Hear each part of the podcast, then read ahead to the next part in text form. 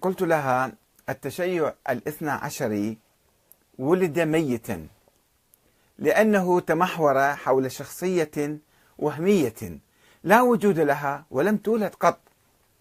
ولم ينهض الشيعة في العصر الحديث إلا بعد أن تحرروا من نظرية الإمامة الإلهية وشروطها المثالية الخيالية الوهمية. العصمة يعني.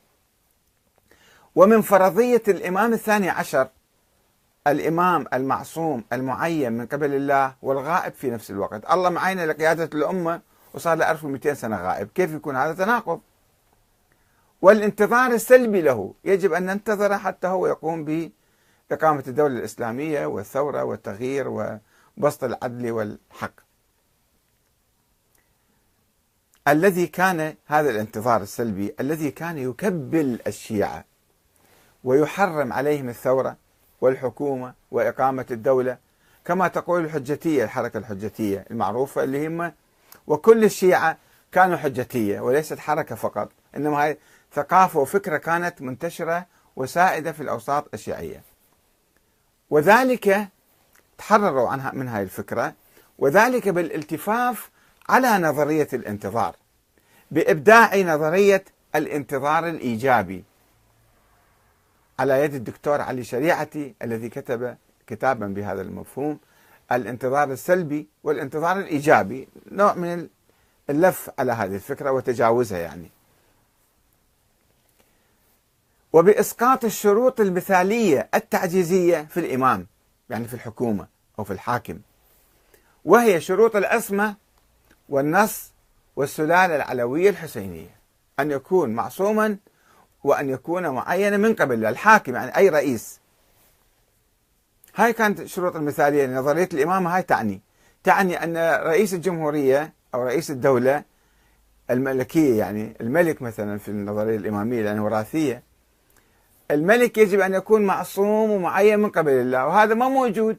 صار 1200 سنة ما عندنا هكذا إمام. فشلت الحياة وتهمشنا وخرجنا من التاريخ.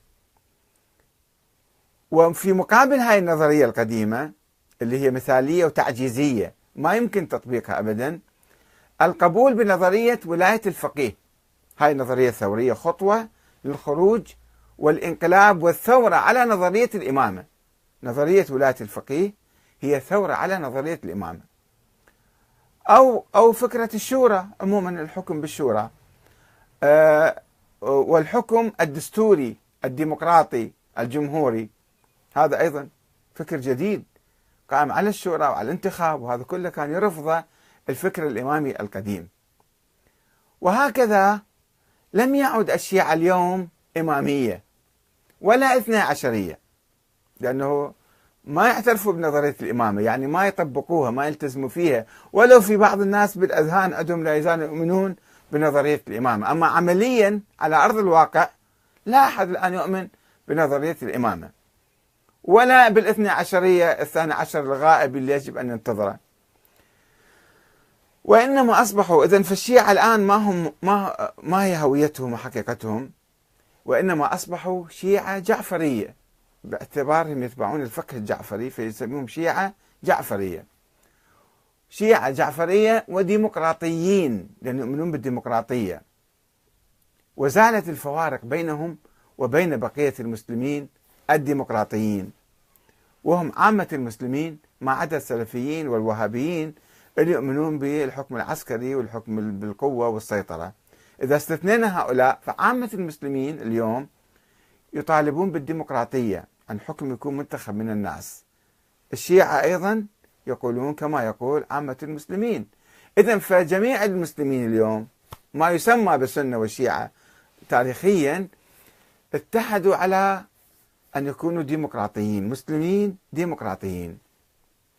فما في مشكلة إذا في موضوع الترابط أنه يجب أن التشيع الاثنى عشري التشيع الاثنى عشري انتهى انقرض وباد الآن يوجد بقايا تشيع بقايا مفاهيم حب وولاء لأهل البيت ولكن كنظرية سياسية لا يمكن تطبيق هاي النظرية وهي غير موجودة أساسا. مو من الآن منذ 1200 سنة ما موجودة. والولاء لصاحب الزمان كيف يكون يعني؟ كيف يكون واحد يوالي صاحب الزمان اليوم؟ هو موجود حتى نواليه الولاء يعني الالتفاف حوله واتباع قيادته. وهذا ما موجود حتى إحنا نتبعه ونتبع قيادته. أن تؤمن به فقط ثم ماذا تؤمن به يعني؟ تؤمن به كواحد من الملائكة واحد من الجن أو واحد من الأشياء الوهمية كيف يعني؟ إن تنكره ينتهي الاثنى عشري التشيع الاثنى عشري هو ما موجود التشيع الاثنى عشري انتهى. فقط الاسم باقي ماله هاي حقيقة يجب أن ندركها جيدا. التشيع الاثنى عشري ما موجود هذا. موجود حب ولاء لأهل البيت وفي شيعة جعفرية وديمقراطيين. الآن الشيعة كلهم سواء في إيران أو في العراق أو في لبنان أو باكستان أو أو تركيا أو أفغانستان أو أي مكان آخر يؤمنون بالأنظمة الديمقراطية. فإذا أصبحوا ديمقراطيين والديمقراطية مية بالمية تختلف مع نظام الإمامة والإثنى عشرية وما إلى ذلك.